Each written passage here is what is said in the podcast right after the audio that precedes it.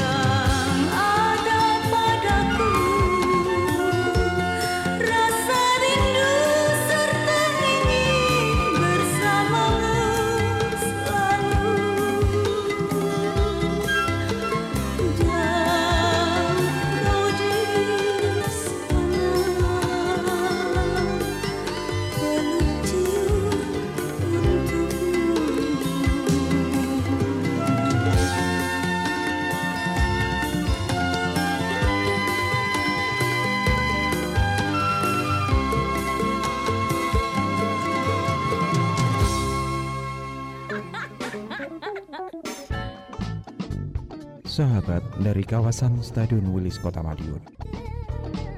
Masih bersama 93 FM LPPL Radio Suara Madiun.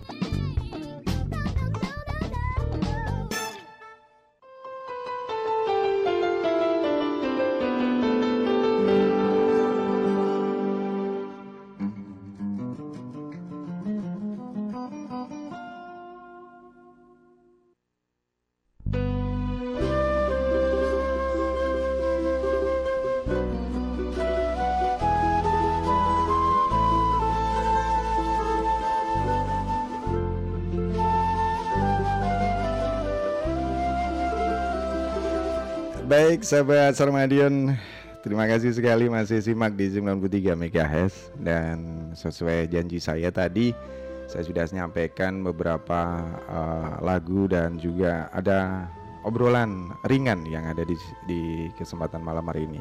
Ya seputar tentang ini sahabat Sarmadion Kampus Trainer atau inkubator kewirausahaan mahasiswa di era industri 4.0 Nah, kalau kalau kalau kita lebih Indonesiakan ini menjadi semacam revolusi industri keempat ya.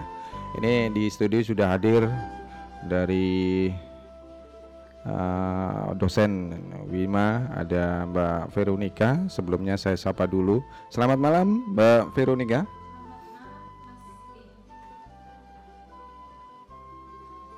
Mas Edu. Ya, ya, ya, ya. Diulang kembali. Oh iya, selamat Iya. malam Mas Edu. Ya, selamat malam juga. Terima kasih Mbak Veronica ini yang eh, sudah hadir di sini. Terima kasih dan selalu apa tentunya juga bisa menyampaikan ke mahasiswa untuk simak di 93 MHz ya. Ya, Mbak Veronica. Ya, oke. Terima kasih. Kemudian yang kedua ada sahabat saya juga dari Forum UKM ada 3B. Nah, 3B itu apa? Monggo Mas Azhar Budiarso selamat malam. Selamat malam, Iya, terima kasih ya untuk sudah hadir di Radio Suara Madiun. Tentunya sudah kedua ya. Sudah kedua. Oh, yang kedua kali terima kasih. Ini Mbak Veronica yang yang baru pertama ya atau kedua? Oh, Dulu awal. Oh, dulu pernah, awal pernah ya. Tahun Hmm, ya? hmm. 2005-an. wow baru berdiri nih. Nah, ini baru saya diundang hari Eh gitu ya, terima kasih. Pokoknya tetap semangat dan kita sampaikan informasi ini kepada pendengar tentunya ya. Terima kasih juga ada pelaku usaha ini salah satu mahasiswa yang dibawa oleh Mbak Veronica dan Mbak Amlia. Selamat malam Mbak Amlia. Selamat malam. Eh, ya, selamat malam. Ya terima kasih sudah hadir dan tentunya mendema- me- apa, menemani dosennya tentunya ada sesuatu ini tanda kutip. Saya khawatir itu bener nggak? Iya bener. ada sesuatu maksudnya informasi gitu loh ya. Oh, iya, informasi sebagai pelaku usaha nanti yang baik sahabat Ramadhan itu narasumber yang sudah ha- hadir di sini dan tentunya juga kita perlu sampaikan bahwasanya revolusi industri ini merupakan cerminan ya kesungguhan dari negara yang sedang beradaptasi juga dengan ragam perubahan besar pada era revolusi industri. Nah, sekarang ini memang kewajiban negara pula untuk menyiapkan generasi milenial. Apakah generasi milenial tersebut juga perlu nanti ya sedikit mempunyai gambaran ini sahabat Sarmadin ya. Ya, tentunya juga harus menyediakan angkatan kerja yang kompetitif dan produktif sepanjang era industri. Nah, itu sebagai pembuka mengawali apa sih yang dimaksud dengan making Indonesia 4.0 itu ya. Oke, baik sahabat Salamadion, kita berlanjut dan tentunya saya mengawali eh langsung saja ini kepada siapa dulu ini? Saya ke UKM dulu.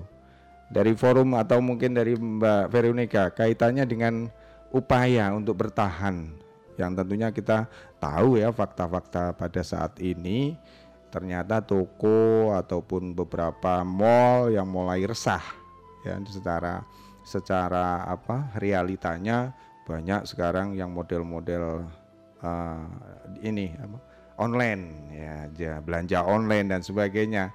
Nah, ini tentunya juga menjadi satu tanda kutip perhatian mungkin di di untuk beberapa tahun ke depan ini sudah tidak konvensional lagi untuk pembela apa kebutuhan sehari-hari tentunya seperti itu. Nah ini untuk UKM khususnya ya ini bisa bertahan ini mungkin juga bisa mengambil eh, bagian dari era industri ini bagaimana ini pandangan dari kacamata dosen Widya Mandala Mafir ini kamu nggak silakan. Ya, terima kasih Mas Edi. Iya. Ya, ini memang era ili- milenial. Iya, Jadi, betul. mau tidak mau pelaku usaha mulai Iya. dari yang kecil sampai Mhm. bahkan besar itu memang harus tidak boleh gaptek Hmm. IT teknologi ya. Jadi Gap, hmm. memanfaatkan apa itu istilahnya teknologi informasi Hmm. dalam mendesain produk, Mm-mm. memasarkan itu bukan hal yang yang yang asing ya artinya itu adalah harus diinternalisasi dalam sehari-hari. Hmm. Nah, kuncinya ya harus mau belajar ya. Oh belajar, ya. Belajar, kemudian Hmm. kreatif dan inovatif, mungkin juga bersedia membangun jejaring juga karena Hmm. kalau melakukan sendiri saya rasa akan cukup kesulitan sehingga perlu eh, apa itu komunitas, komunitas usaha. Mungkin di sini ada B3 tadi itu saya rasa sebagai sarana untuk supaya Iya. UKM itu bertahan ya. Betul betul ya. Ya, seperti itu. Nah, mungkin dari Mbak Amel yang sudah Hmm. mempraktekkan untuk bisnis yang bersa berbau teknopreneur silahkan mungkin. Iya, nanti aja ini ya Mbak Amelia bagian yang eh, Oh, gitu apa, ya? bom, Bomnya, ya, bomnya oke. nanti. Ini saya kembali ke Kang Budiarso ini langsung aja saya panggil Kang lebih lebih familiar.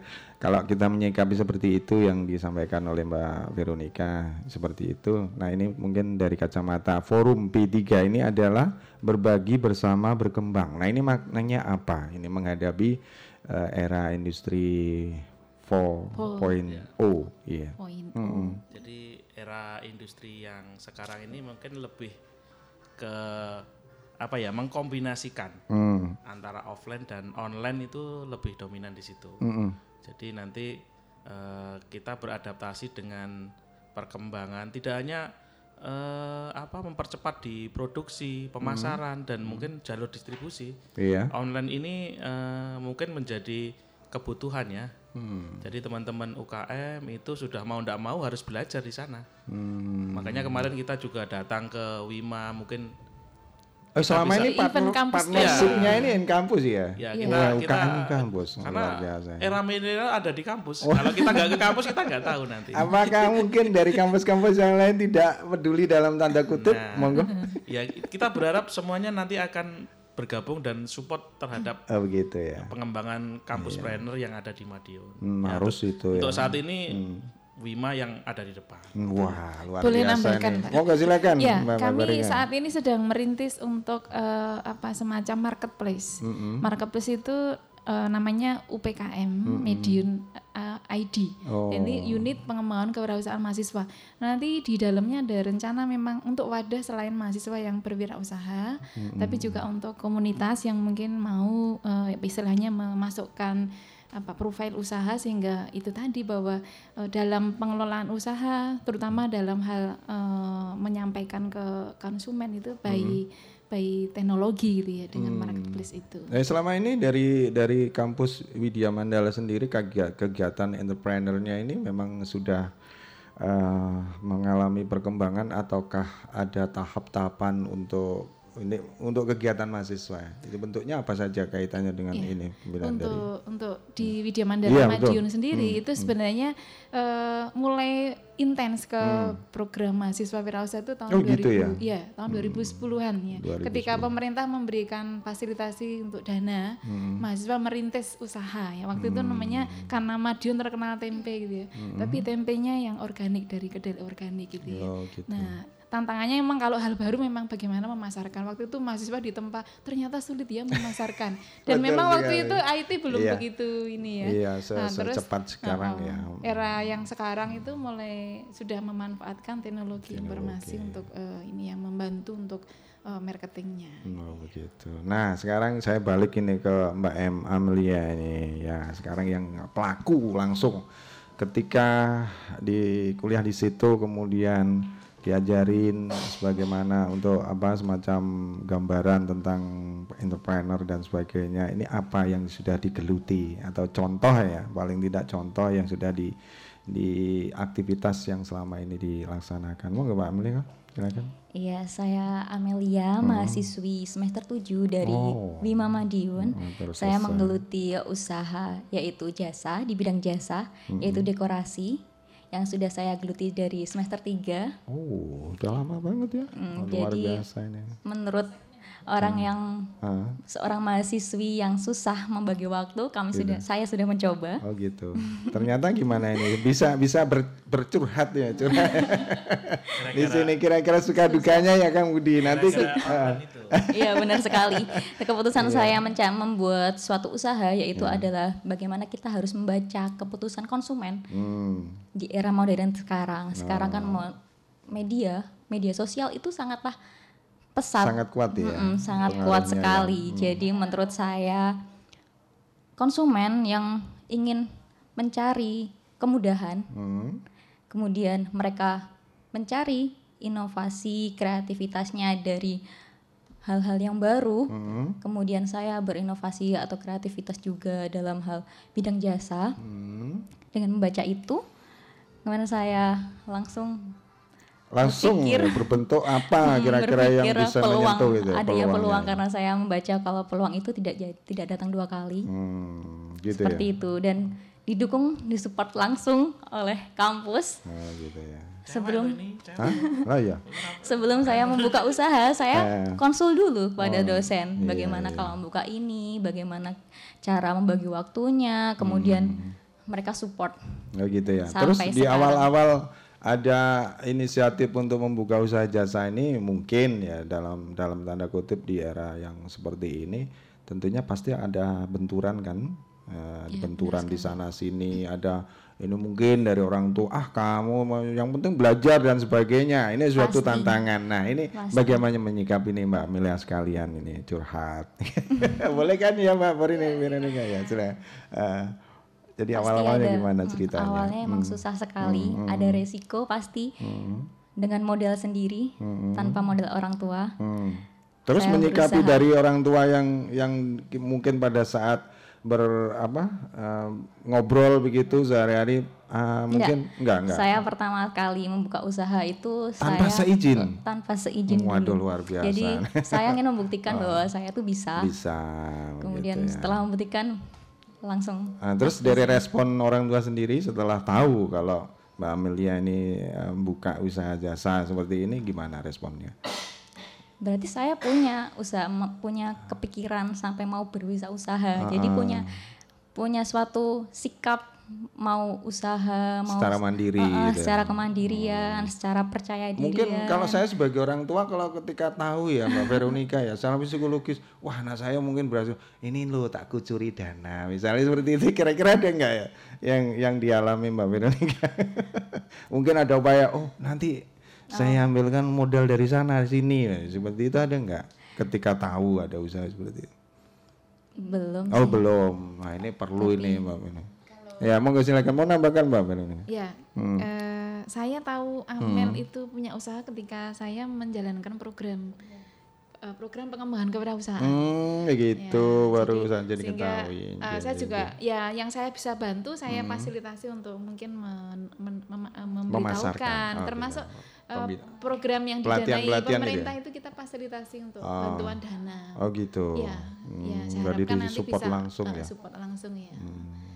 Iya, luar biasa ini eh, Mbak Ini juga Amelia. karena dukungan pemerintah. Oh iya. Ristek, Oh iya. Kementerian. ya. Wah luar biasa ini. Kalau dari sisi kacamata eh, Kang Budiarso gimana ini kalau melihat satu sosok contoh ini mahasiswa yang kreatif katakanlah dari dari sisi apa, kreatifnya bisa membuka memulai usaha kemudian paling tidak ada dampaknya untuk mungkin bisa membantu selama kuliah dan sebagainya untuk pengembangan usaha juga ke depannya. Ini kalau dari kacamata eh, seorang pengusaha ini bagaimana ini monggo silakan menyikap itu. Ya, Ya. jadi di era sekarang yang era digital ini Ah, sangat dimudahkan sebenarnya kalau kita mau berwirausaha. Hmm. Karena banyak pergeseran-pergeseran yang dulunya membutuhkan fisik yang stamina yang kuat. Hmm, Sekarang dengan era digital itu memudahkan sekali kita melakukan eh, mungkin remodel bisnis baru. Hmm. ya remodel bisnis baru tidak hanya di digital internet mungkin kemarin kita masih ingat ada anak SD di MI ya di Hmm, Kota Madiun menang lomba robotik di Malaysia itu Ya kaget loh, masa iya ada? iya ada itu Oh, di saya Malaysia nggak itu. tahu.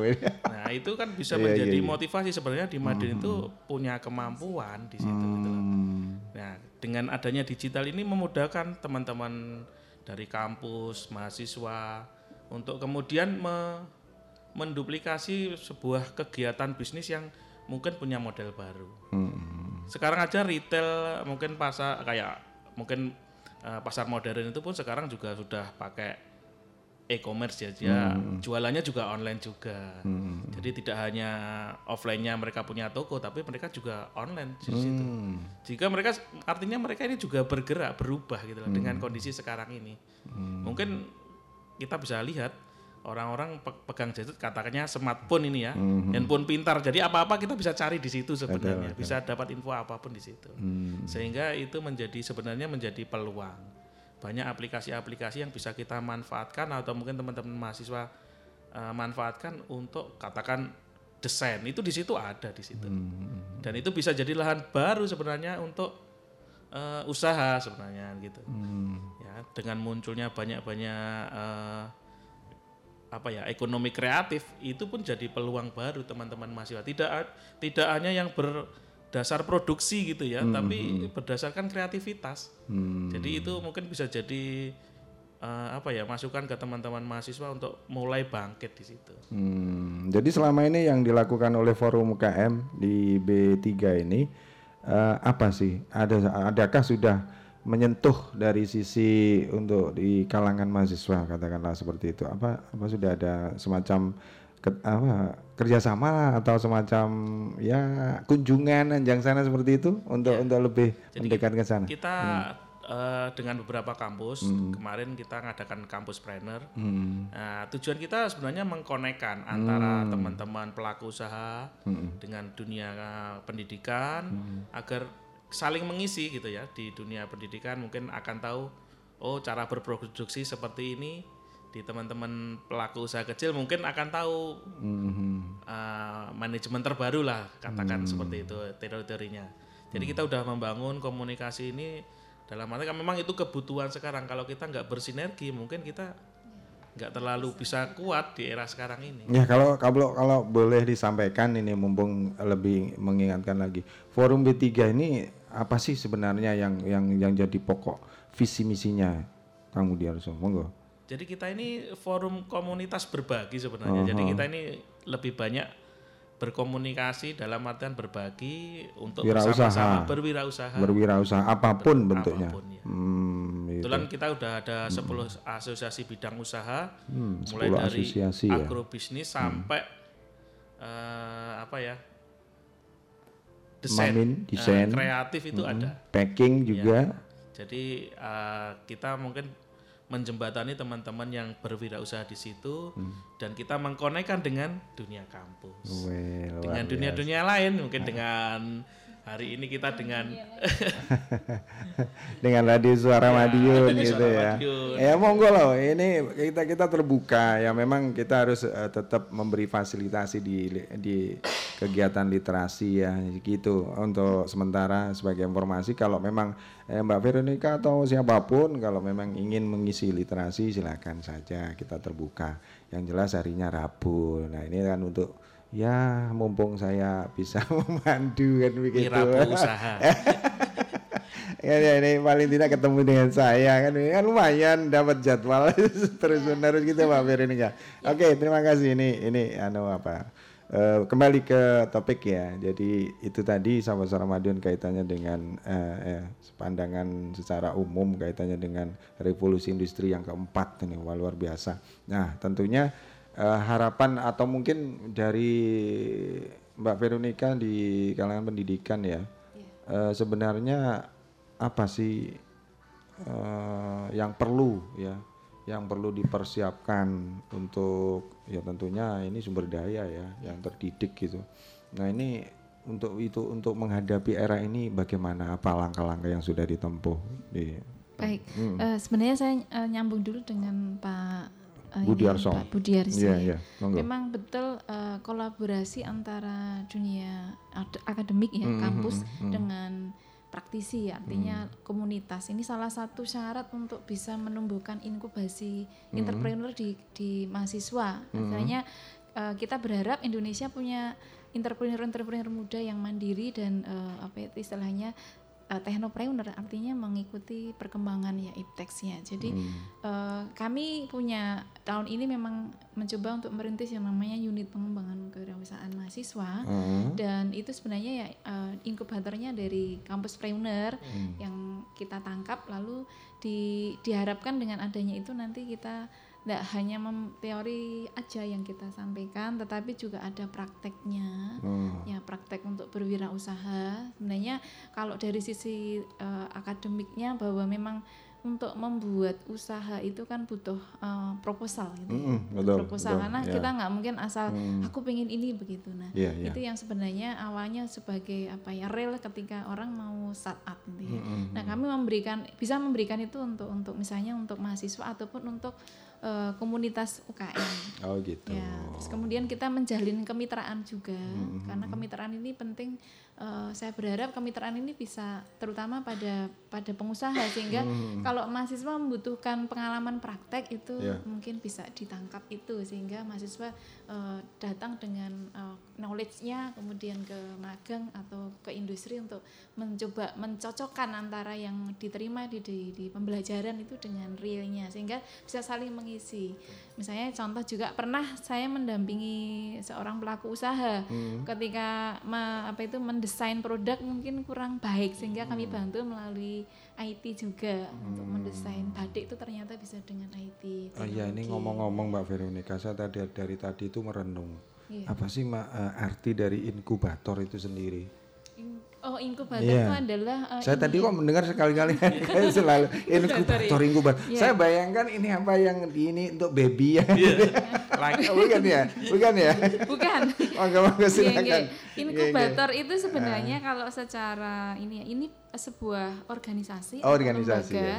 yang memberikan program untuk ah, ini untuk uh, startup ya. Oh startup. startup bisnis. Startup ya. bisnis itu Secara eh, umum sistem ya. Si- bukan Apa? memulai usaha. Oh memulai Prototype, usaha ya. Jadi uh, begitu. Hmm. dia mem- uh, mem- memberi fasilitasi uh, yang selama ini dilakukan pemerintah itu Hmm. adalah modal, memberi permodalan sampai kemudian memfasilitasi kemitraannya. Sebenarnya hanya ke situ. Arti inkubator itu sendiri seperti Iya. itu ya. Hmm, Mem- Oke oke. me- men- bagaimana menumbuhkan uh, bibit-bibit wirausaha artinya begitulah. Di kalangan mahasiswa. di kalangan khususnya. mahasiswa khususnya untuk perguruan tinggi kemudian untuk yang luar ya termasuk untuk eh, ini ya masyarakat biar Masyarakat tuh. bisa tumbuh wirausaha-wirausaha baru Kira-kira tersentuh nggak inkubator untuk masyarakat selama ini Mbak? Eh, yang saya lakukan saya pernah me- disupport oleh pemerintah untuk pendanaan apa itu pengabdian Hmm. Bersama masyarakat dinas. yang Dinas. bukan um, Kemenristek Oh, ya, Kemenristek. kita kita di langsung dari sana. ya.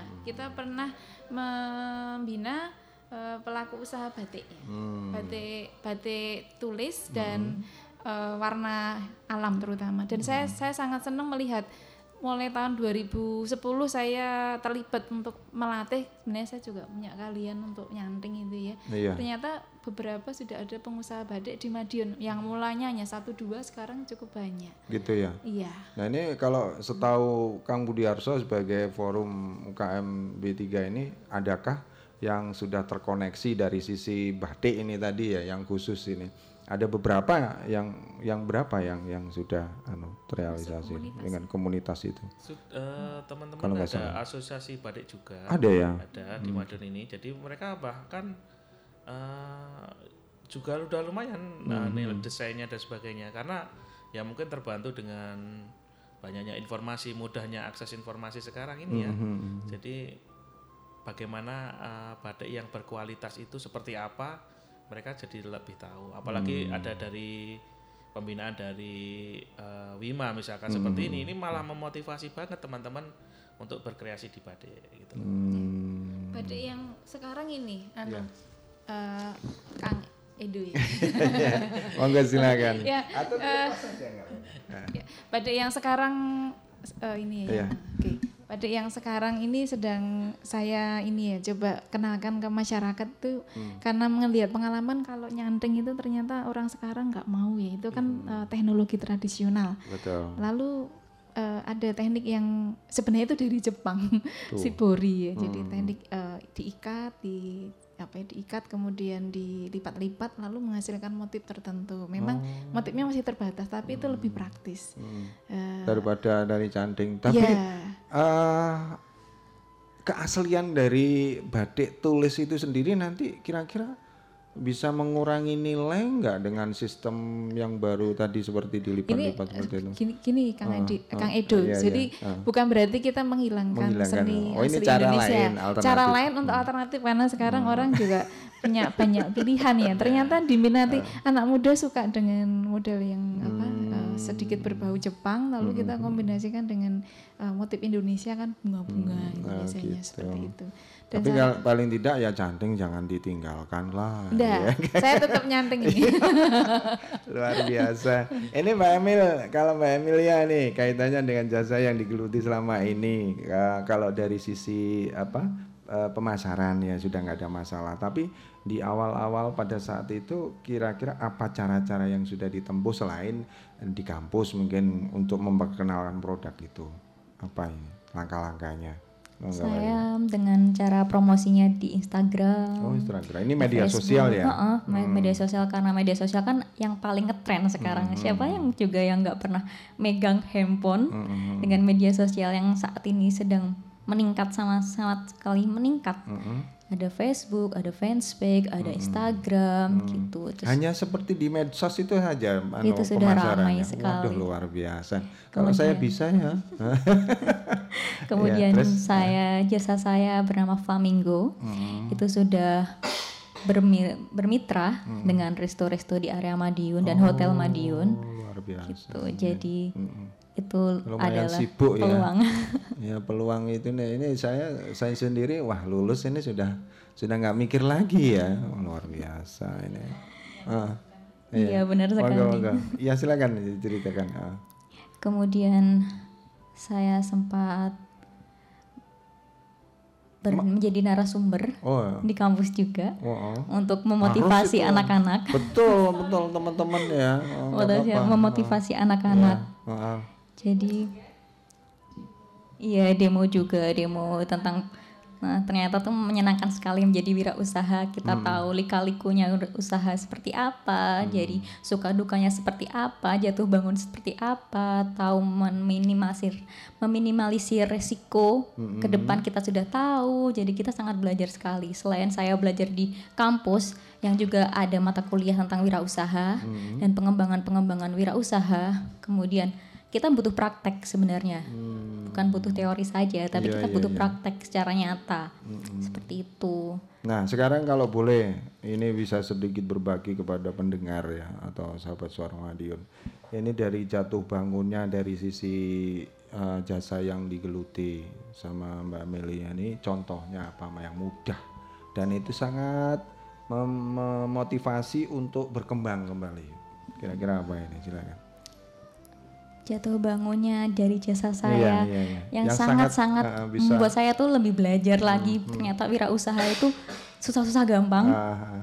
yang pertama adalah perilaku konsumen itu harus kita baca Hmm. Oh, gitu. sebelumnya perbedaan budaya konsumen kita harus tahu sebelumnya Hmm. karena setiap konsumen itu berbeda-beda Betul.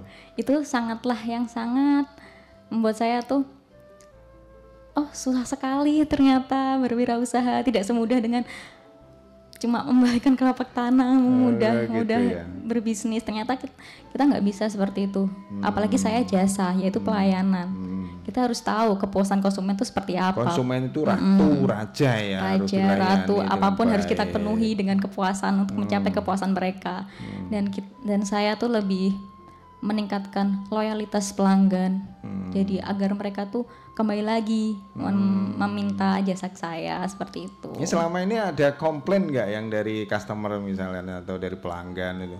Mbak ini kurang ini dan sebagainya. Ada yang eh, dalam tanda kutip cerewet itu, itu, itu kan gimana menyikapi itu Mbak? Ini salah satu apa namanya ya taktik atau mungkin strategi dari eh, pengusaha apa? Iya, ah, bagaimana ini yang di Kalau cerewet itu pasti semua konsumen itu pasti cerewet, apalagi tentang pelayanan jasa. Iya, pelayanan iya. jasa itu harus Ah. dari A sampai Z itu harus urut dan harus sesuai dengan apa permintaannya konsumen. Iya, iya. Sedangkan penyikapinya yaitu dengan cara sebelum sebelum ya benar banget ya Mas ya selain sabar itu ya.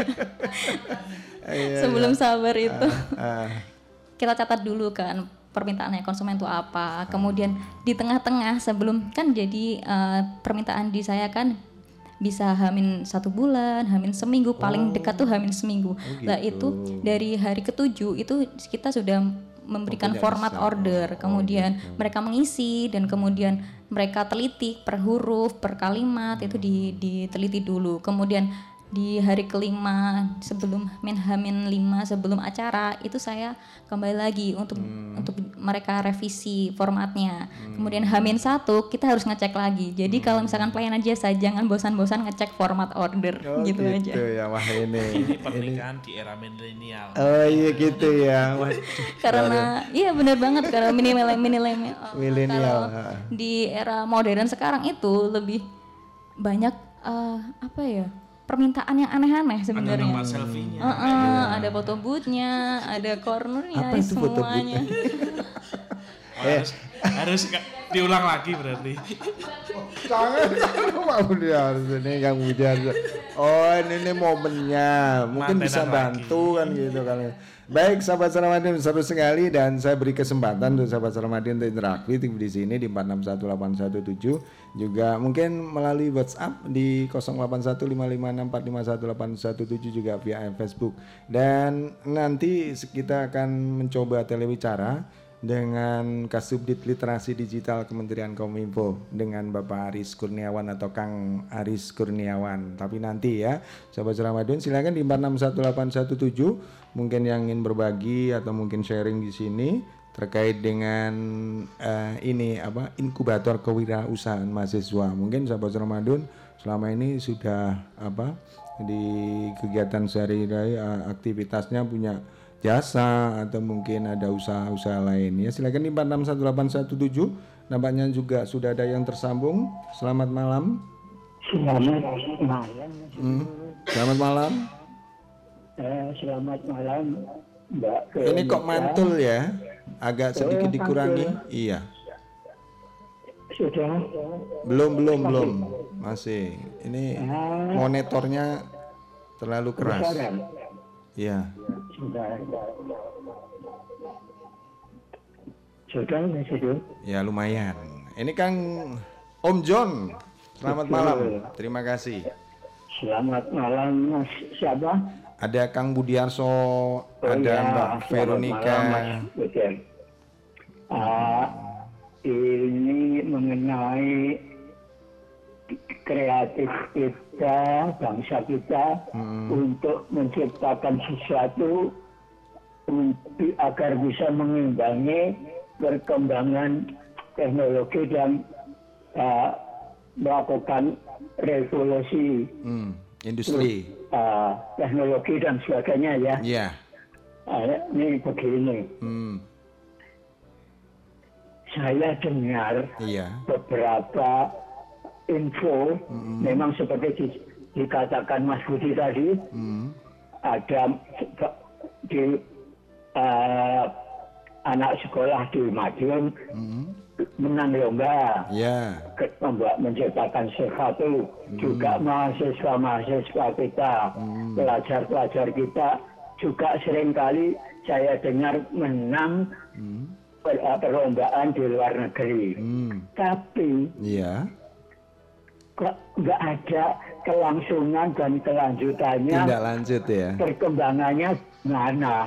Apakah itu karena terbentur pengadaan, biaya, dan segala macamnya, sehingga tidak bisa berkembang. hmm, Semoga saja, termasuk seperti saya, yang berpengharapan, Iya. semoga bangsa kita ini bisa tampil, bisa lebih berkembang, bisa bisa menuju kemajuan. Jangan sampai perkembangannya itu merayap. hmm, atau mandek. Tapi semoga saja bisa melangkah, meloncat-loncat dan bisa lari mengejar kemajuan. Oh gitu. Cuman saja untuk itu kita harus introspeksi, koreksi bagaimana agar kita tidak terhambat oleh hal-hal yang mungkin bisa menghambat kemajuan ke arah kemajuan perkembangan yang diharapkan. Kita harus introspeksi. Kalau itu kita ingin maju, kita harus tahu kekurangan, tahu kesalahan, tahu ke, eh, apa masalah-masalah hambatan. Jadi semua itu harus diketahui. Juga kira-kira kemampuan apa yang bisa kita manfaatkan dan kita ketahui untuk kemajuan itu. Kita harus mengenal, me- mengetahui uh, jati diri. Kalau jati dirinya sudah Mhm. kita ketahui, Mhm. kita harus percaya diri. Iya. Kita harus maju membangun. jangan sampai, jangan sampai ya semua ini terkendala oleh banyak hal Ah. sehingga tidak bisa. Tapi kalau saya tahu Oke. uh, seperti Inka, Ah. seperti PT PAL, Hmm. seperti Pindad juga menunjukkan kemampuannya. Hmm. Semoga disusul oleh yang lain-lain Oh, gitu ya. seperti seperti yang mbak-mbak mas-mas Ya. ini per- uh, usahakan, perjuangkan, kemukakan, utarakan untuk mencapai semua apa yang menjadi harapan-harapan dan cita-citanya. Nah, seperti kita ketahui, kalau kalau kalau kalau semua ini adalah peradaban dari awal zaman behula, zaman prasejarah sampai perkembangan sampai sekarang apakah itu pengetahuan, apakah itu budaya, apakah itu kepribadian, apakah itu teknologi Iya. semua itu peradaban. Oke. Dan peradaban jangan sampai semua itu menjadi salah guna Iya. Terima tidak kasih. ada kecepatannya. Hmm. Semoga semua itu bisa uh, memaju, lebih memacu diri kita untuk lebih tak bisa tampil. Oke, lagunya Kalau apa kita nih? meninjau ya mas, sejarah, Iya. sejarah seperti uh, bangsa Jepang. Iya. Kalau dulu begitu dibuka oleh Commodore Ferry Hmm. bisa uh, mengembangi bangsa-bangsa Barat. Oke. Begitu dibuka oleh Commodore Ferry, semua masyarakat Jepang yang berkemampuan disekolahkan ke Amerika. Iya. Akhirnya menya- bisa menyaingi. Kalau bangsa kita seperti sejak Budi Utomo, uh, kebangkitan nasional, Iya. mereka Kang percaya John, Om John. mengimbangi. Halo. Ya. Iya, saya kira cukup. Oh, ini lagunya apa nih? Oh Hmm. ya nanti saya sambung ya. Iya, silakan. Eh, eh, ya semua itu bisa kita untuk introspeksi diri, Iya.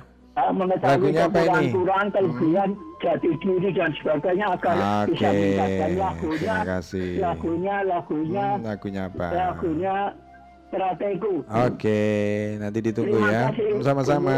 semuanya. Nanti saya lagi. Selamat malam. Iya. Assalamualaikum. Waalaikumsalam warahmatullahi wabarakatuh. Terima kasih untuk Om John dan sesuai janji saya sahabat Ramadan kita mencoba terhubung dengan sahabat saya yang ini Kang Aris Kurniawan Eh, di, beliau di eh, Kasubdit Literasi Digital Kementerian Kominfo. Baik, kita mencoba terhubung.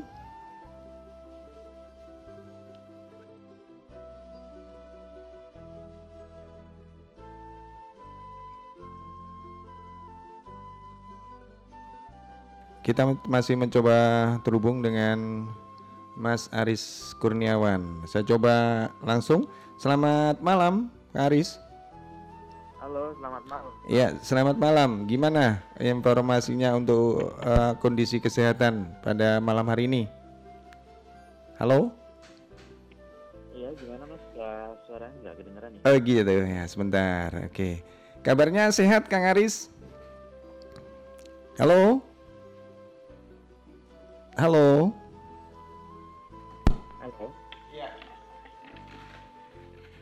Halo, Kang Aris, selamat malam. Oke, selamat malam. Saya mohon maaf ini mengganggu waktunya nih.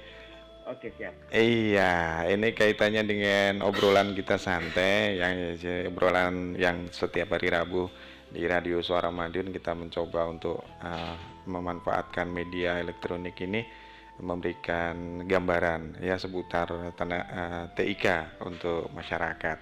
Nah, kesempatan malam hari ini kita manfaatkan dan rubriknya kebetulan juga tentang uh, revolusi industri nih Kang Aris. Oke, siap. Iya, ini kalau boleh tahu ini dari Kementerian Kominfo sebenarnya eh, secara umum ini apa sih sebenarnya yang dialami di dalam era industri 4.0 ini? Mungkin bisa bisa disampaikan. Monggo. Oke, terima kasih. Iya. Ya, Selamat malam semuanya. Uh, Jadi kebetulan kalau bicara soal revolusi industri 4.0 Iya. sesuai dengan pesannya Pak Jokowi juga uh, Ah. konsentrasi kita memang di capacity building nih. Oh. Peningkatan kapasitas, Mm-mm. mengisi uh, gap atau ja- jarak nih antara saat ini kondisinya antara lulusan dari misalnya SMK Hmm. sama kebutuhan industri ternyata ada jaraknya Hmm. belum matching gitu. Jadi kemampuannya kayaknya perlu di-upgrade lagi nih. Hmm. Seperti itu. Nah ini kalau kalau boleh kita sampaikan di sini kalau saya baca data di Kementerian Koperasi dan Usaha Kecil ini di tahun 2016 ini menyumbang sekitar 60,34 persen produk domestik bruto. Ini apa benar nggak? Ya, kalau Hmm, hmm. misalnya berdasarkan data mereka ya Hmm. kemungkinan besar karena Iya. memang jumlah jumlah UMKM Hmm. kemudian ini luar biasa besarnya ya. Hmm, hmm, hmm. Dan mereka ini termasuk eh, kita sebut pahlawan nasional Iya. yang bikin Indonesia kuat sebenarnya justru eh, Iya. eh, produk dan konsumsi dalam negeri. gitu. Iya iya. Oh gitu. Nah sekarang ini eh, Kang Aris kaitannya dengan eh, sektor mana sih sebenarnya yang memperkuat hal itu untuk eh, sekitar 60,34 persen produk domestik bruto ini kaitannya dengan usaha-usaha yang dilaksanakan oleh UMKM ini sebenarnya Oke. yang justru mendongkrak itu.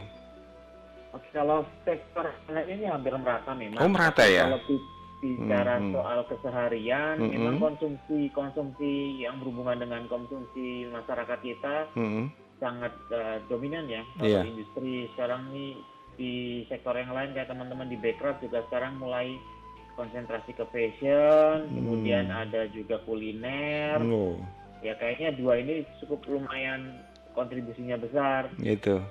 Hmm, itu sangat besar. Iya. Ya, makanya sekarang Komin, eh, Kementerian Kominfo juga ikut mendorong itu juga. Jadi kita punya program misalnya UMKM go online nih kita onboarding teman-teman yang gitu sudah ya. selama ini eh, offline jualan, Mm-mm. kuliner juga termasuk, kemudian juga fashion kita dorong buat eh, onboarding masuk ke marketplace. Hmm.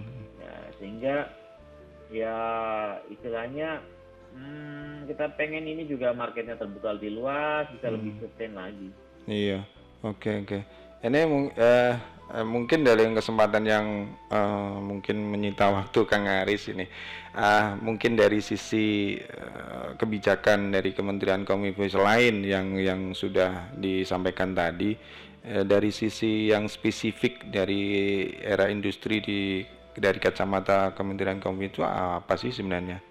Kalau boleh tahu. Saya mungkin Hmm. tertarik bahas soal uh, capacity building ya, peningkatan uh, kapasitas teman-teman lulusan SMK atau Mhm. D3 atau S1 yang sebenarnya ternyata ada gap untuk bisa sesuai dengan kebutuhan demand dari dunia industri sendiri. Gitu ya. Makanya tem- yang sekarang ini dibuka misalnya yang baru uh, jalan dua hari ini mungkin Mhm. ada kita punya program digital talent scholarship ini scholarship yang 2018 Di mana itu kalau boleh tahu Kang Aris?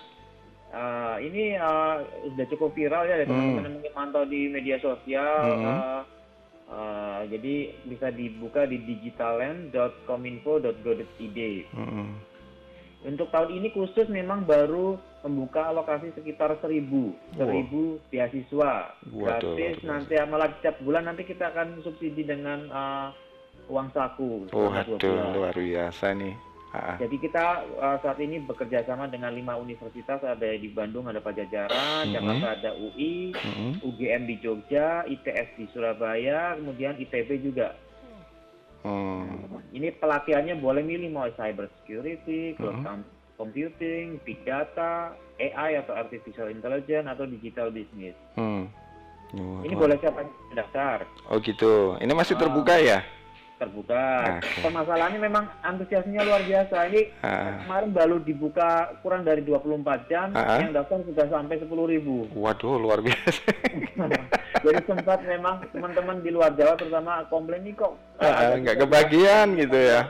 Betul. Hmm. Oke, tapi intinya kita me- mengakomodir itu sehingga ada rencana nih tahun depan kabar bagus nih ini Hmm. juga ini baru baru disampaikan juga bahwa tahun depan kita akan buka kuota lebih banyak lagi yaitu 20.000 ribu ya Hmm. siswa pelatihan terbuka ini non gelar ya. Iya, iya. Ini berlangsung selama berapa minggu, berapa bulan pelatihan ini?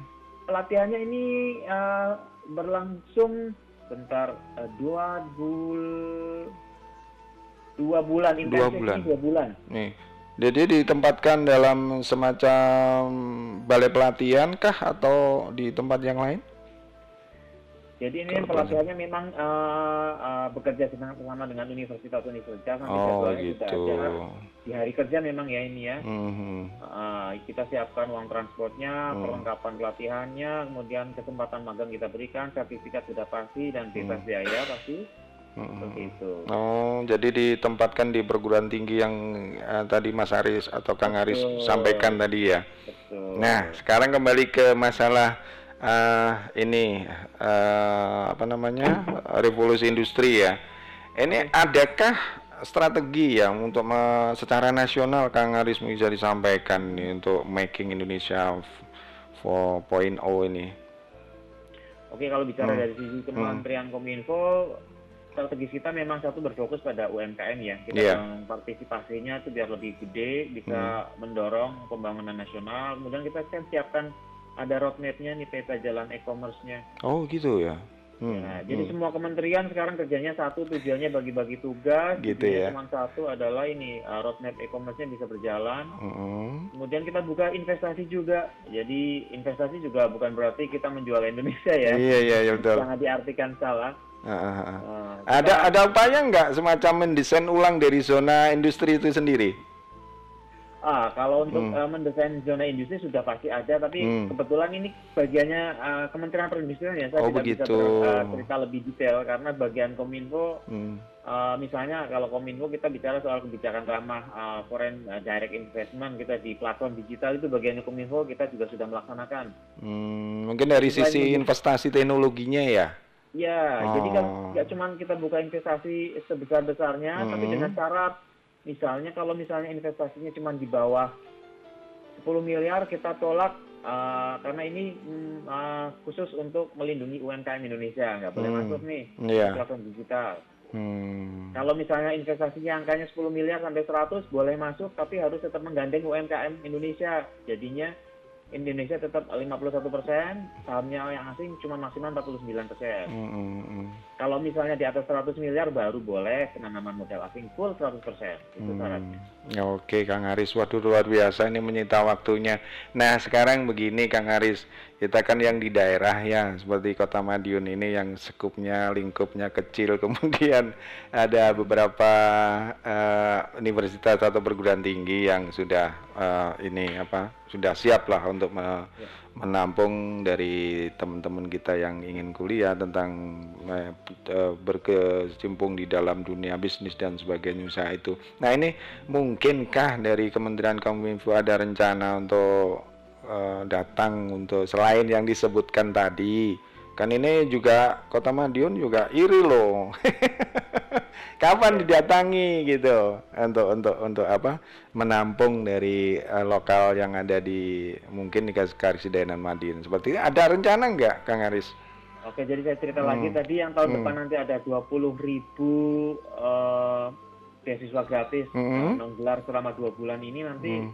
eh, saya belum tahu apakah nanti ada universitas di Madiun yang kebagian data karena ini memang dari Sabang sampai Merauke ya. Oh gitu ya. Sudah bagi rata semua pulau tahun depan insya Allah akan dapat bagian Nah, bumi. iya, makanya Yang harap kedua kalau soal kegiatan program-program segera saja lah. Ah. Pokoknya kalau teman-teman di Madiun ini sudah terkenal kok luar biasa Iya, iya. Jadi Ini ini pemicunya ini Kang Yosep ya katanya. Salah satunya salah satunya Kang ini Iya. uh, memang sudah sangat konsisten Ah. menjadi partner kita Ah. luar biasa lah pasti kita datang kok uh, banyak yang program bisa kita share. A- a- akan lebih bagus lagi kalau teman-teman di Madiun juga mulai uh, menyusun kira-kira kebutuhannya seperti apa sih biar nggak Hmm. mubazir kan Begitu ya. Iya kita kita yang menyesuaikan yang di pusat kita akan memfasilitasi pokoknya Hmm, oke deh terima kasih sekali. Ini waktunya eh, terima kasih sekali Kang Aris. Mungkin dari kesibukan Kang Aris yang luar biasa. Ini bu, posisi di mana nih Kang Aris kalau boleh tahu? Eh, Alhamdulillah sekarang lagi di Pontianak Di. Pontianak luar biasa. Ada kegiatan apa di sana? Di sekarang ada meeting jadi ada ada kegiatan subregional Ah, Brunei ah. Darussalam, Indonesia, Malaysia dan Filipina. Jadi mereka Hmm.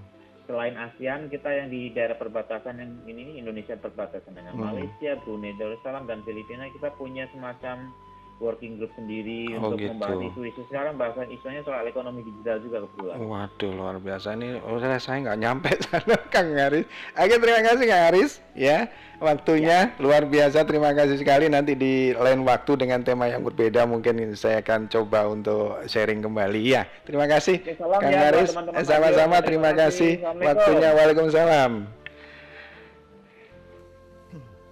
Baik, sahabat Sarmadion itu tadi telewicara dengan Kang Aris yang lagi di Pontianak yang juga apa namanya lagi sibuk-sibuknya ya dengan kampanye atau memperkenalkan revolusi industri yang keempat.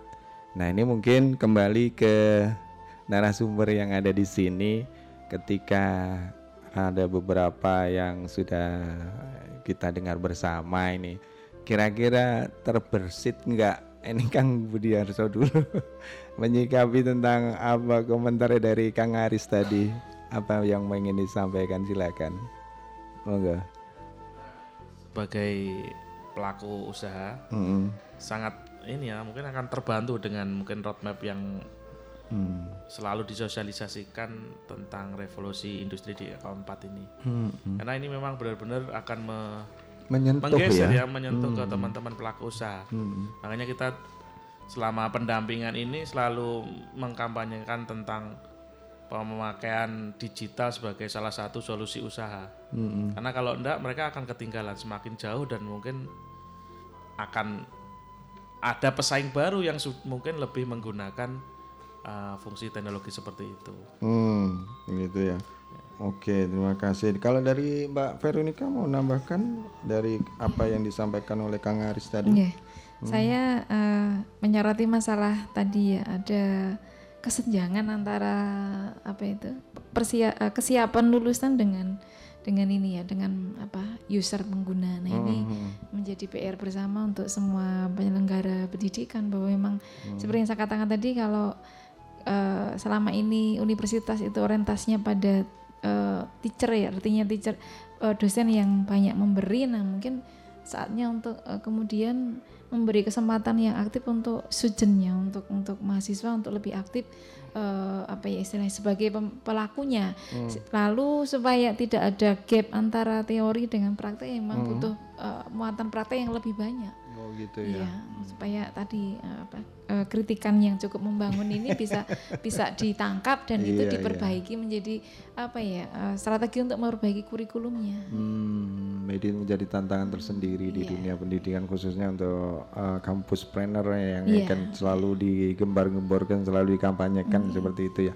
Nah sekarang saya balik kembali ke uh, lingkup Widya Mandala sendiri. Adakah semacam tempat khusus untuk membentuk atau semacam lab atau semacam ruangan khusus untuk membentuk teman-teman mahasiswa atau mungkin dari uh, luar yang ingin eh, apa mendapatkan ilmu di situ? Ada nggak? Ya, sejauh ini kami menye- eh, ada semacam ini ya layanan konsultasi Hmm. usaha sebenarnya udah kita itu sejak tahun 2000-an tuh saya awal-awal Hmm. di Widya Mandala itu kami sudah membentuk klinik bisnis cuma Hmm. mungkin ya jalannya belum begitu lancar ya tapi sekarang kita coba ini lagi silahkan bagi teman-teman UMKM yang mau datang konsultasi masalah bisnis kami terbuka fasilitasi untuk misalnya IT-nya juga kami terbuka termasuk fasilitasi untuk tempat mungkin sarasean atau pameran nah kebetulan juga tanggal 2, 21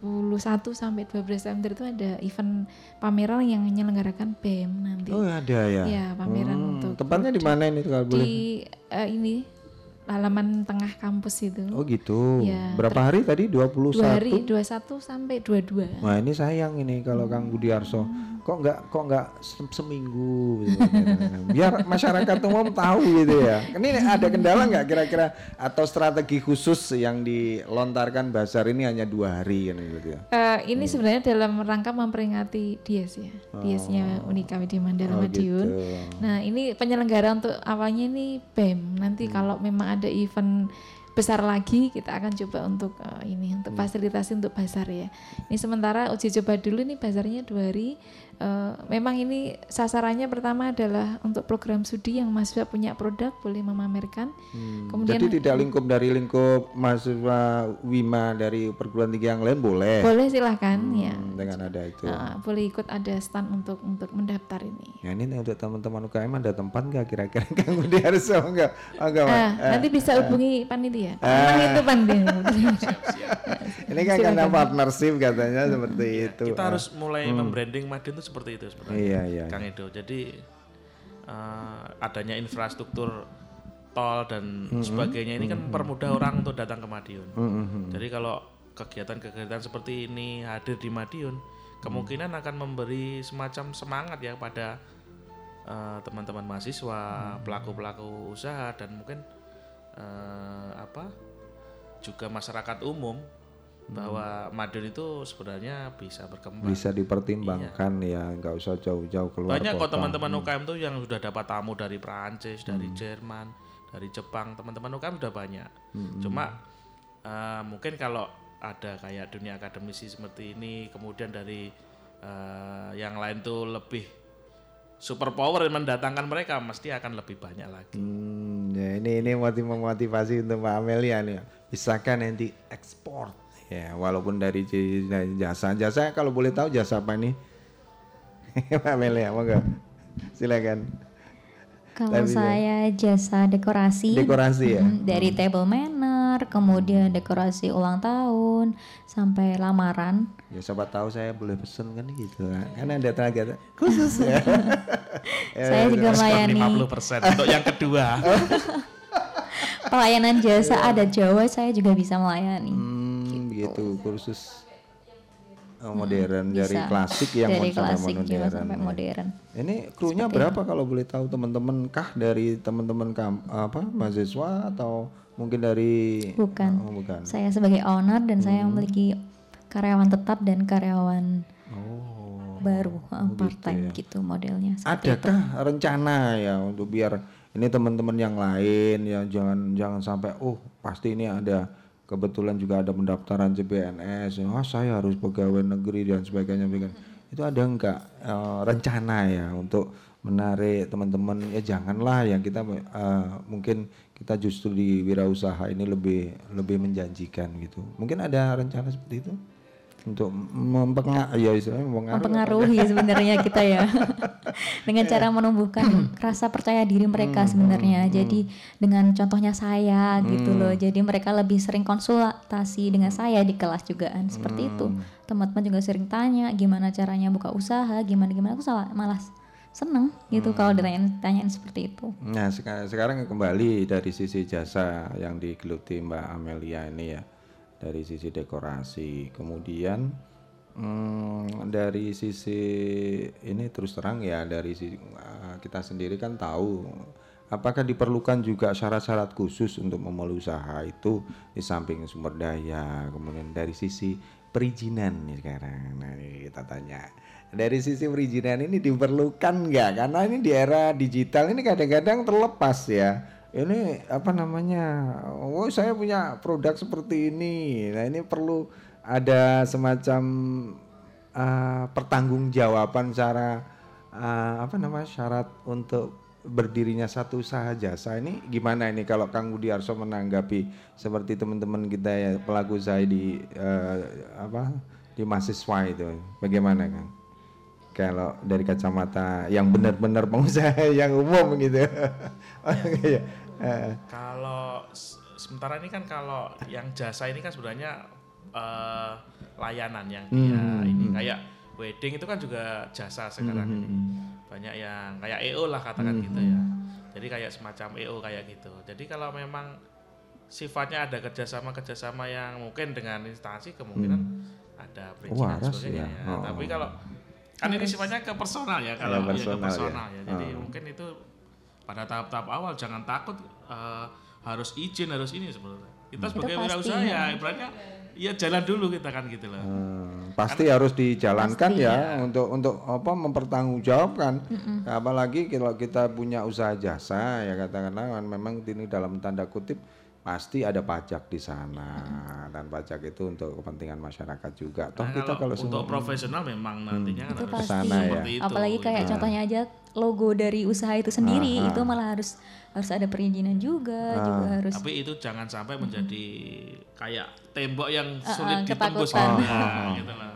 Ya terkadang seperti itu kalau kita tuh punya usaha yang mandiri gitu, atau sendiri mungkin buah dari pikiran kita ah sini terlalu berbelit-belit dan sebagainya. Apakah takut ada rasa di resiko sana? itu ya, Ah, ah, takut ah, resiko ah. sebenarnya enggak sih dari awal kalau misalkan kita udah menemukan rasa percaya diri itu dari awal apa pun resikonya resiko itu pasti ada tapi kita Hmm. bagaimana menyikapinya sebenarnya gitu kalau menurut saya prinsip saya itu harusnya itu dream it wish it dan do it jadi kita harus bermimpi dulu apa Hmm. yang kita inginkan kemudian kita berharap itu akan kita lakukan terus kita tuh punya niat terus habis itu kita laksanakan gitu. Hmm. jangan takut jangan.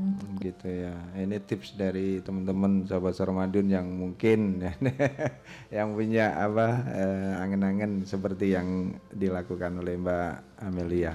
Baik sementara itu dulu ya sahabat Ramadan kita break dulu untuk beberapa lagu di, di request oleh Om John. Nah mungkin dari sahabat Sarmadion ingin menyimak setelah beberapa lagu yang saya akan putar. Ya, jangan ke mana-mana, tetap di 93 MHz Radio Suara Madiun tentunya.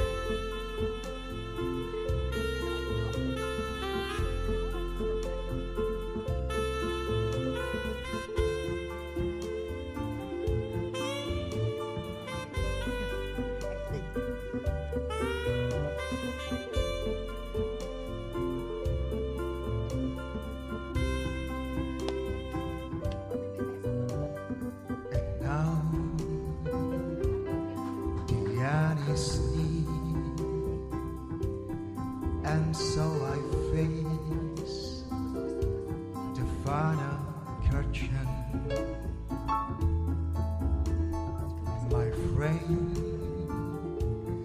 I'll say please, I'll state my case, of which I'm certain. I've live a life.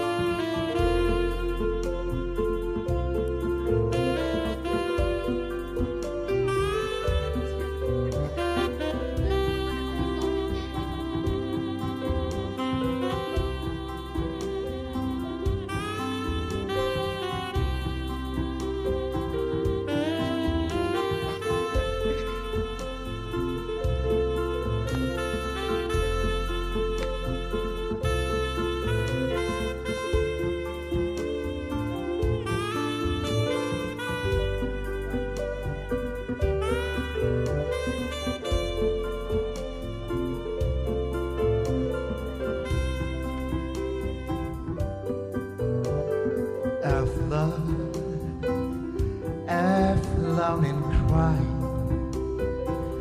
I've had my fill, my share of losing, and now as tears subside, I find it all so.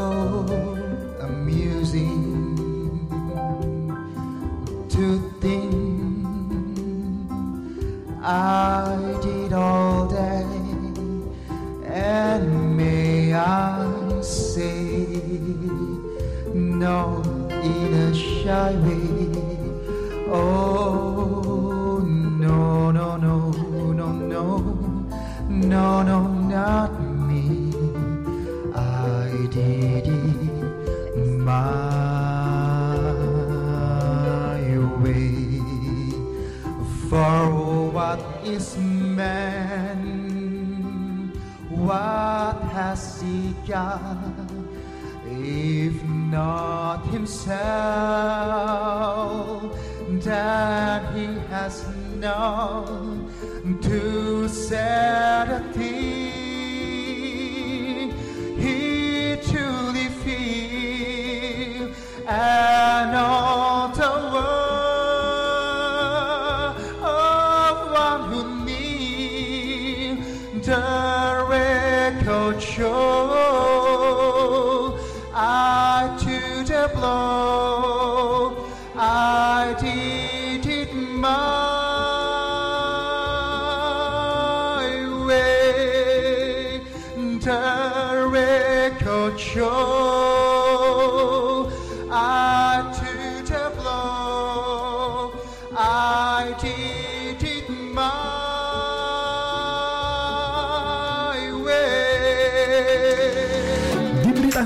kepada seluruh pengguna jasa parkir di tepi jalan umum di wilayah Kota Madiun bahwa berdasarkan peraturan daerah Kota Madiun nomor 25 tahun 2011 tentang retribusi pelayanan parkir di tepi jalan umum sebagaimana telah dirubah dengan Perda Kota Madiun nomor 22 tahun 2017 tentang retribusi pelayanan parkir di tepi jalan umum mulai tanggal 1 Januari 2018 untuk tarif parkir di tepi jalan umum ada perubahan tarif baru tergandeng trailer, mobil bus besar dan kendaraan lain yang sejenis sebesar Rp8.000 untuk truk, mobil bus sedang, mobil bus kecil dan kendaraan lain yang sejenis sebesar Rp4.000 untuk kendaraan jenis sedan, pick up dan kendaraan lain yang sejenis sebesar Rp2.000 sepeda motor roda 3 sebesar Rp1.500 sepeda motor roda 2 sebesar Rp1.000 dan sepeda sebesar Rp500 Iklan layanan masyarakat ini dipersembahkan oleh Dinas Perhubungan Kota Madiun dan LPPL Radio Suara Madiun. Suara Madiun.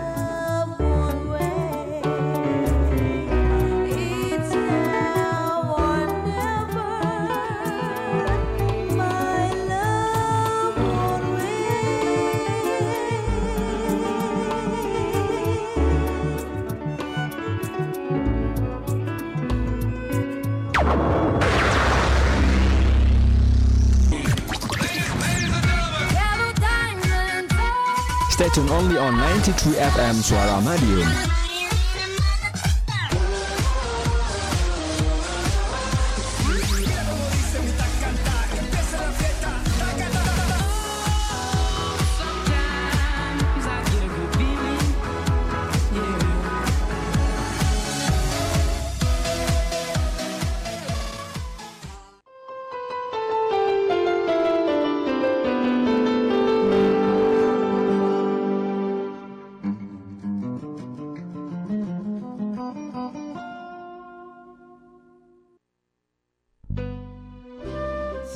Sembilan puluh tiga MHz sahabat Sarmadiun di mana pun sahabat Sarmadiun berada di 31 menit dari pukul 8 malam saya sudah hadirkan tadi beberapa lagu yang tentunya juga eh, membuat eh, suasana ada fresh kembali dari obrolan kita santai ini. Yang tentunya tadi juga saya dengar asik banget ini dari narasumber di offline ya tapi sebelumnya saya juga memberi kesempatan deh untuk yang sudah gabung di 461817 selamat malam Selamat Halo. malam Mas Edo.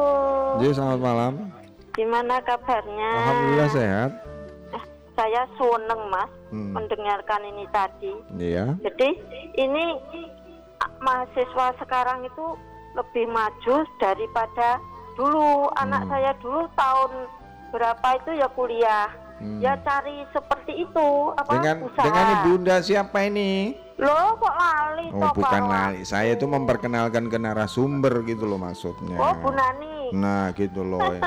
Ini Bu Nani Iya, jadi ini sangat pesat Hmm. daripada yang dulu. Jadi kalau ingin usaha Hmm. itu tidak izin sama orang tua. Hmm. Jadi tidak memberatkan orang tua gitu loh. Ya kira-kira kira-kira Bu Nani ini saya potong.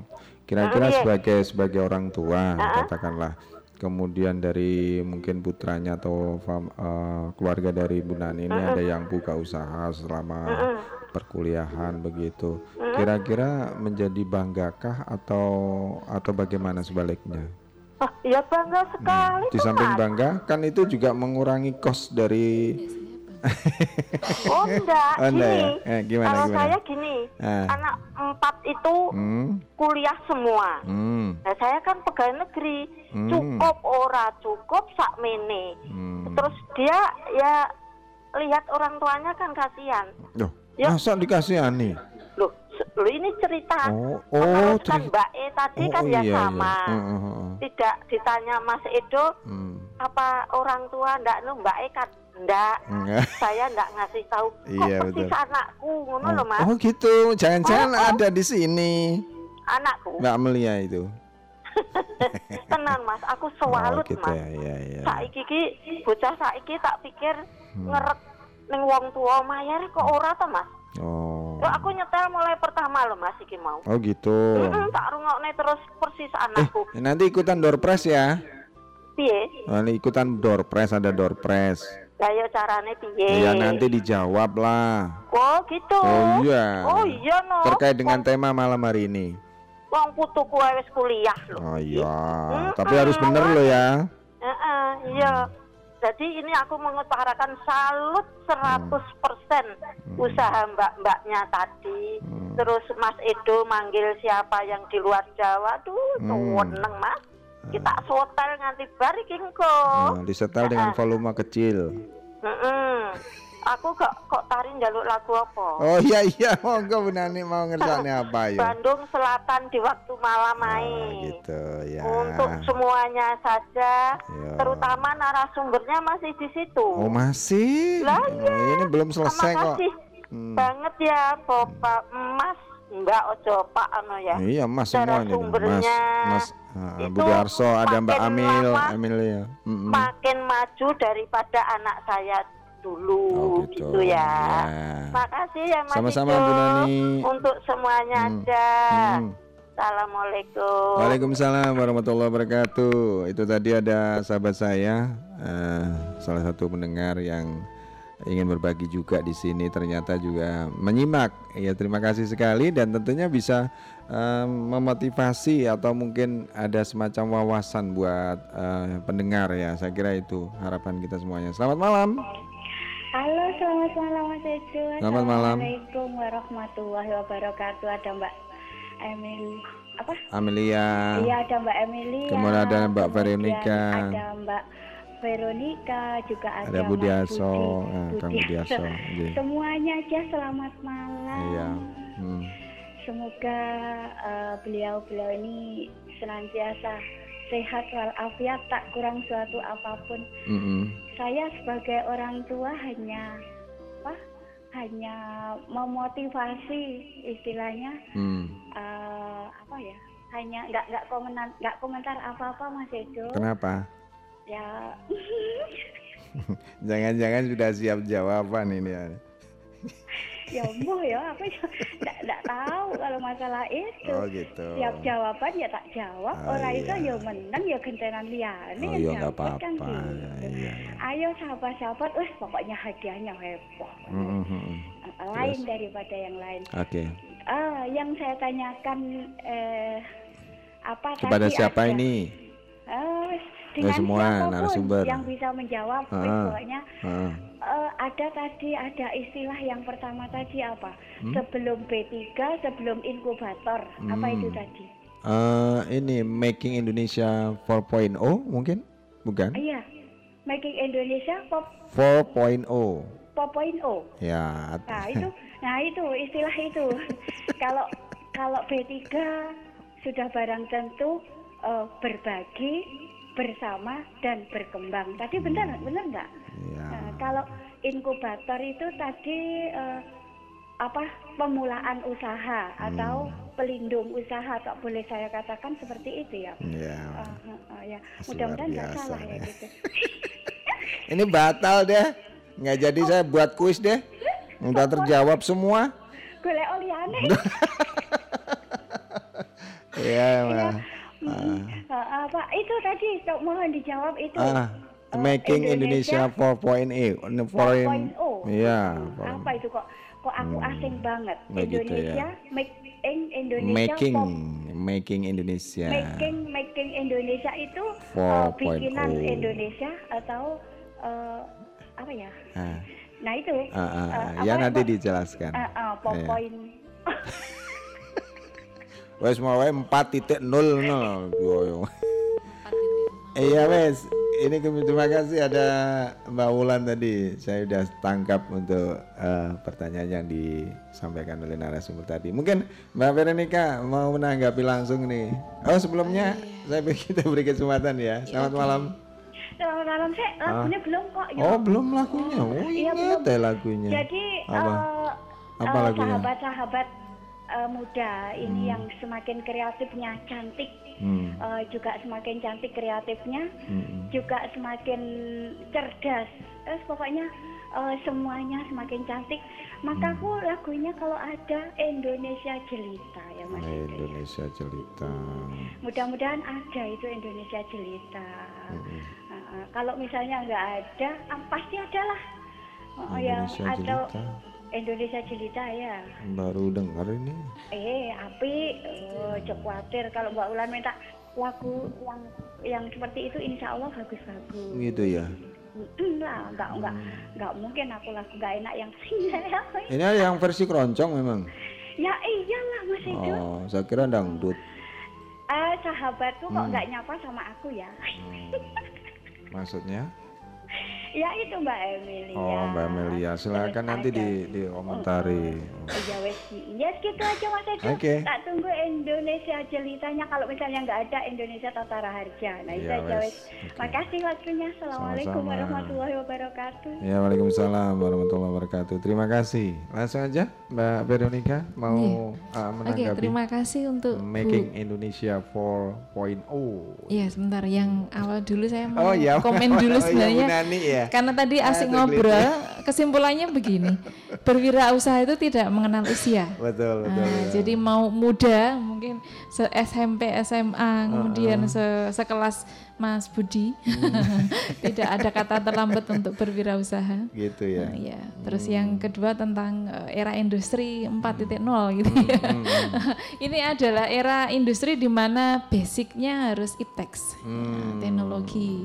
Nah, iptex eh, ini jadi artinya eh, kalau industri zaman dulu itu lebih pada produksi dalam apa ya produksi dalam eh, konvensional gitu Konvensional ya. saja. Nah sekarang itu justru eh, lebih mengedepankan ke ini ya ke Teknologi, teknologinya, pemanfaatan pemanfaat teknologi bahkan menangkap peluang konsumen pun itu juga bisa menggunakan fasilitas itu. Artinya kalau saya mengistilahkan di ilmu saya itu technopreneur. Jadi jadilah pengusaha yang technopreneur di era industri 4.0 di mana juga arahnya pasar itu juga nanti eh, luas ya global itu ya. Tidak hanya Indonesia aja tapi termasuk luar negeri intinya begitu. Tapi saya dengar-dengar tadi di offline tadi kebetulan juga saya selenting dengan ada seseorang yang usahanya hanya seperti itu nyampe di Papua, nyampe di sana. Ini kalau boleh tahu nih kita kaitkan ya ke Mbak Veronica dengan obrolan Kang uh, Budi Arso ini bisa kasih sharing nggak ke kita atau kita sampaikan ke dengan semuanya. Ini contoh ini dari salah satu usaha bentuk usaha. Monggo Kang Iya, Arso. ini yang Ah. mungkin di teman-teman UKM juga itu eh, kalau kita ngomong papan nama gitu ya, Iya. papan nama, Ah. papan usaha atau apa gitu ya kan. Ah. Saya kira di mana-mana itu ada. Iya. Ya mungkin di luar kota itu juga ada. Hmm. Tapi ini anehnya dari Madiun bisa eh, ada Ekspansi pesanan gitu. pesanan sampai ke Papua, ke luar kota, Aceh dan sebagainya. Ini kan Hmm. kalau kita pikir kan memang itu sulit kirimnya bagaimana dan Hmm. sebagainya. Tapi ternyata memang pasar itu tidak mengenal Jarak ya. jarak ternyata Hmm. gitu loh. Jadi dengan adanya era informasi sekarang ini dengan perubahan-perubahan marketing 4.0 sekarang ini Hmm, hmm. itu sangat memungkinkan usaha apa pun itu bisa menjangkau di semua daerah. Walaupun Hmm. itu mungkin kelihatannya sulit, tapi ternyata walaupun biaya kirimnya itu lebih mahal, ternyata di sana itu lebih mahal lagi kalau pesan seperti itu. Hmm. Lebih murahan beli dari Madiun. Oh ya saya saya ke- ke- eh, ingat ini Ke- eh, langsung dalam pikiran saya ini jangan-jangan nanti untuk lima tahun atau 10 tahun ke depan ini papan-papan reklame sudah nggak ada ya? ya, ya, betul kan? Iya, Eh nanti kalau virtual ya. semuanya ini ke medsos, Iya. eh, ke, ke, Ke kira-kira begitu nggak kira-kira ini kan? Ini terbesit sesaat itu, gimana menurut menanggapi? Benar nggak kira-kira Mbak Veronica? Ini ketanggapan itu.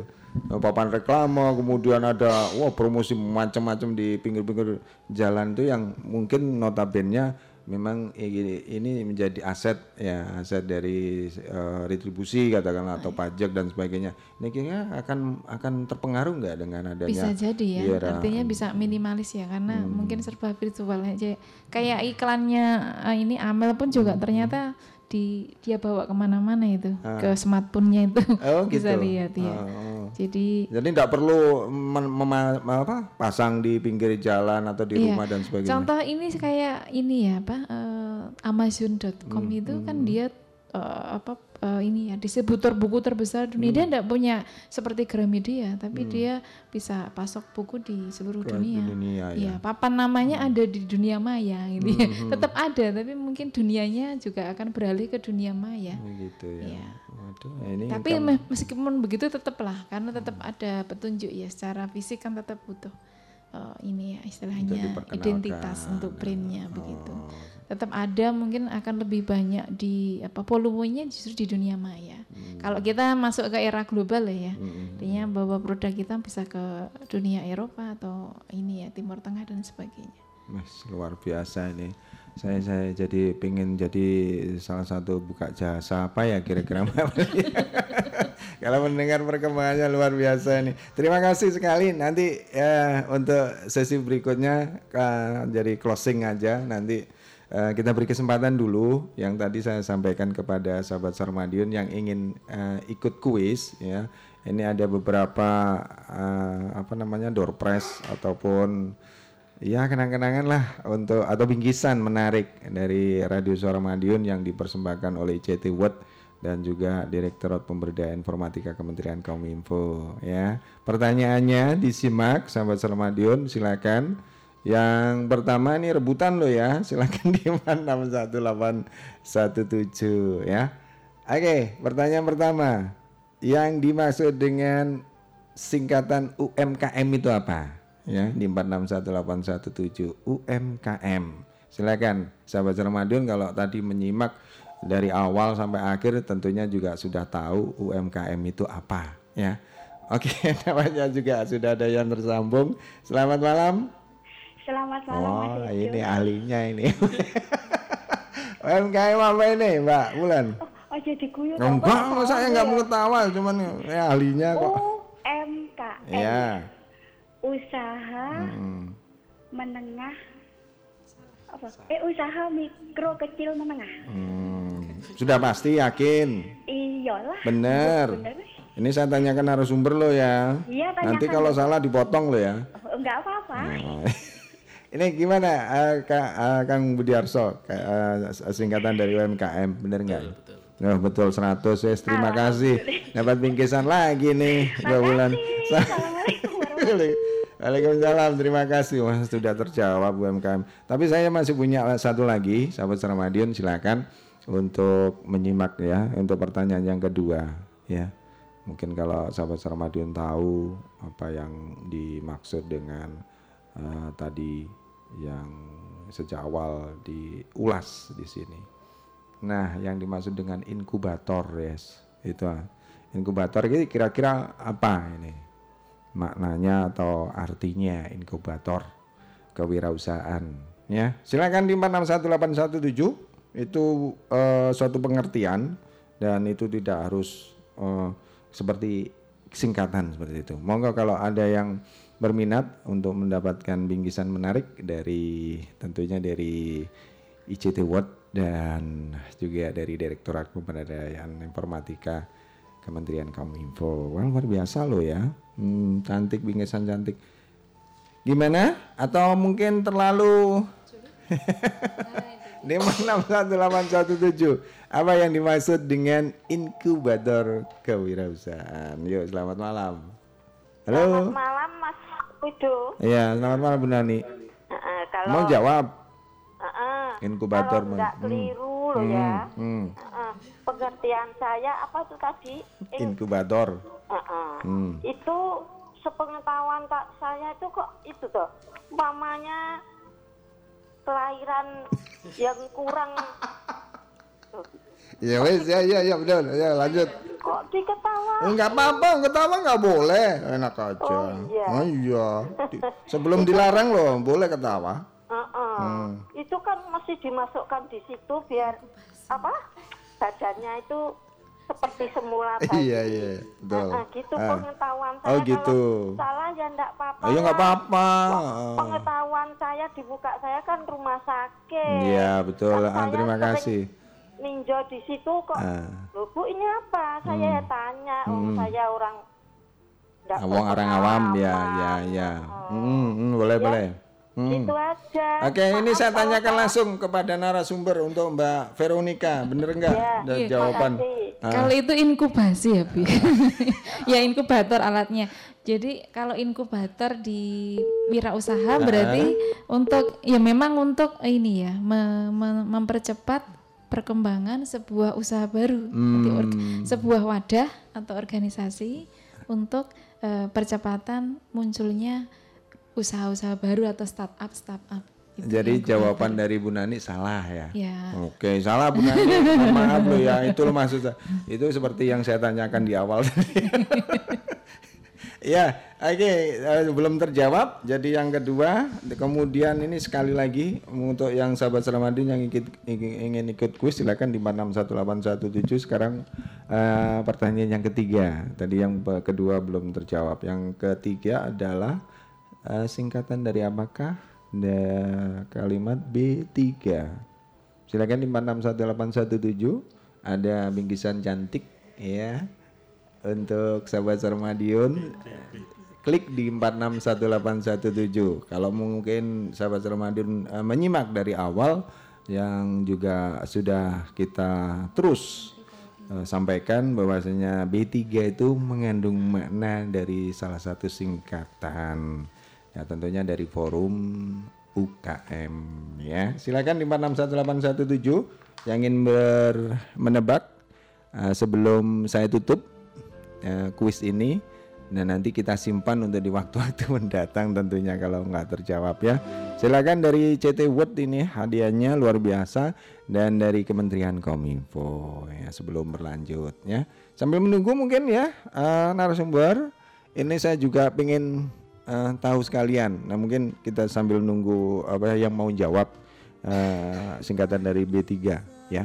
Sekarang mungkin dari Kang Budiarso dulu dah dari forum UKM ini kira-kira sebagai closing untuk harapan ya yang mungkin atau ingin dicapai dari sisi forumnya. Ini apa ya untuk ke depannya ya. Monggo silakan Jadi kita eh, mungkin lebih tepatnya lebih beradaptasi aja dengan eh, kondisi sekarang ini ya. Jadi Hmm, dunia usaha itu harus beradaptasi dengan eh, zamannya, eranya Hmm, gitu ya. hmm, hmm. Jadi pemakaian digital itu memang sebuah kebutuhan. Hmm. Jadi mau tidak mau kita mulai karena kalau digital itu tidak hanya di pemasaran sebenarnya, di Hmm. teknologi, di produksi pun sebenarnya itu juga berlaku. Hmm. Ya, jadi itu menjadi memperkuat lah usaha Hmm. ke depannya. Kalau kita nggak beradaptasi di situ, kemungkinan ya itu tadi kita kalah bersaing. Hmm, itu saja. Ya, mungkin Oke deh, terima kasih untuk dari Mbak Veronica, silakan. dari kalangan Karena saya pendidikan ya. mewakili Ah, perguruan tinggi, iya, saya betul. berharap pemerintah memfasilitasi untuk eh, ini ya tumbuhnya inkubator bisnis di Gitu. Pendidikan sehingga banyak wirausaha-wirausaha muda yang ada nanti campur tangan pemerintah. soalnya. Ya, ya. Sementara ini sudah dan saya berharap masih tetap berlanjut dan ditingkatkan, terutama untuk pendanaan bagi mahasiswa yang mau berwirausaha. Oh, Sehingga kita siap tadi. menghadapi era industri 4.0 Hmm. dan era MEA 2025. Betul sekali ya deh. Terima kasih. Dan sebelum ditutup oleh Mbak Amelia, saya coba yang sudah tersambung. Selamat malam, mau jawab? Halo. Selamat Ya, selamat malam. Mau jawab Om John? Itu D3 atau B3 toh? Iya, B3. Oh, B3. Iya, B beta, beta, beta. Beta, heeh. Mungkin yang dimaksudkan tadi berusaha atau berproduksi bersama dan berkembang itu. Iya, saya tanyakan langsung ya kepada forum UKM Kang Budiarso monggo di di anu, tanggapi. lebih tepatnya Ya. Hmm. berbagi bersama berkembang. Oke, gimana keputusannya? Benar nggak ini? Kurang tepat tapi sudah memenuhi. Oh, sudah ada- ada memenuhi. semuanya. Oke Om Jom selamat ya mendapat bingkisan ini ah, dari narasumber menyatakan ini sudah masuk gitu ya karena di Ya. depannya. Oke, hmm, terima kasih Om John. Terima kasih. Hmm. Selamat malam. Malam juga terima kasih. narasumber dan Mas Edo. Oke, terima Assalamualaikum. kasih. Oke, sebagai informasi Sobat Suara Madiun untuk bingkisan menarik ini bisa diambil di Radio Suara Madiun ya dengan mm, membawa dia di identitas tentunya. Hanya hanya untuk dilihat cocok enggak jangan-jangan yang ambil lain kan gitu. Oke baik terima kasih sekali sahabat Sermadion untuk malam hari ini. Dan sebagai penutup ini Mbak Amelia sebagai pelaku usaha seorang eh, mahasiswa yang belum lulus sudah luar biasa. Tadi cerita sedikit cerita dari apa usahanya. Nah ini apa yang menjadi harapan ke depan untuk teman-teman yang mungkin eh, masih duduk di kuliah di di tempat belajar lah. Ini monggo silakan disampaikan. Harapan saya Hmm. bagi mahasiswi atau pelajar di Madiun, di sini kita harus pintar-pintar Hmm. mencari peluang, Hmm. membuka peluang untuk di area Madiun itu sendiri juga ya, Hmm. untuk kota-kota kita sendiri juga. Apakah harus sama seperti Mbak Amelia? Enggak, tidak. Oh, iya, betul, betul. Karena di sini Oh. banyak sekali peluang usaha yang bisa Hmm. digeluti juga. Jadi tidak tergantung dengan jasa atau Hmm. produk, itu bisalah mencari ide-ide lain yang lebih kreatif dan inovatif. Hmm. Kemudian jangan takut untuk menja- untuk mendapatkan resiko dalam sebuah perusahaan, ada sebuah usaha itu. Hmm. Kemudian percaya diri. Hmm. Kemudian jangan takut bagaimana caranya menyeimbangkan masalah pendidikan dengan Hmm, hmm. suatu usaha atau pekerjaan seperti Iya. itu. Oke, itu saja. Oke, terima kasih untuk yang bertiga di dari narasumber yang sudah hadir ini. Terima kasih sekali. Mudah-mudahan informasi kita yang kita obrolkan malam hari ini bermanfaat untuk eh, semuanya dan mungkin ke depan juga kita akan membawakan tema-tema yang berbeda. Terima kasih semuanya, sahabat Salamadin sampai di sini eh, acara obrolan dengan diiringi rame-rame keroncong. Tentunya semoga bermanfaat eh, di eh, buat ke depannya atau mungkin dari sisi motivasi sebagai eh, mungkin ada usaha jasa di sana bisa saling ya sharing lah ya. Terima kasih sekali. Sampai ketemu di lain kesempatan. Wabillahi taufik hidayah. Wassalamualaikum warahmatullahi wabarakatuh. Sampai jumpa.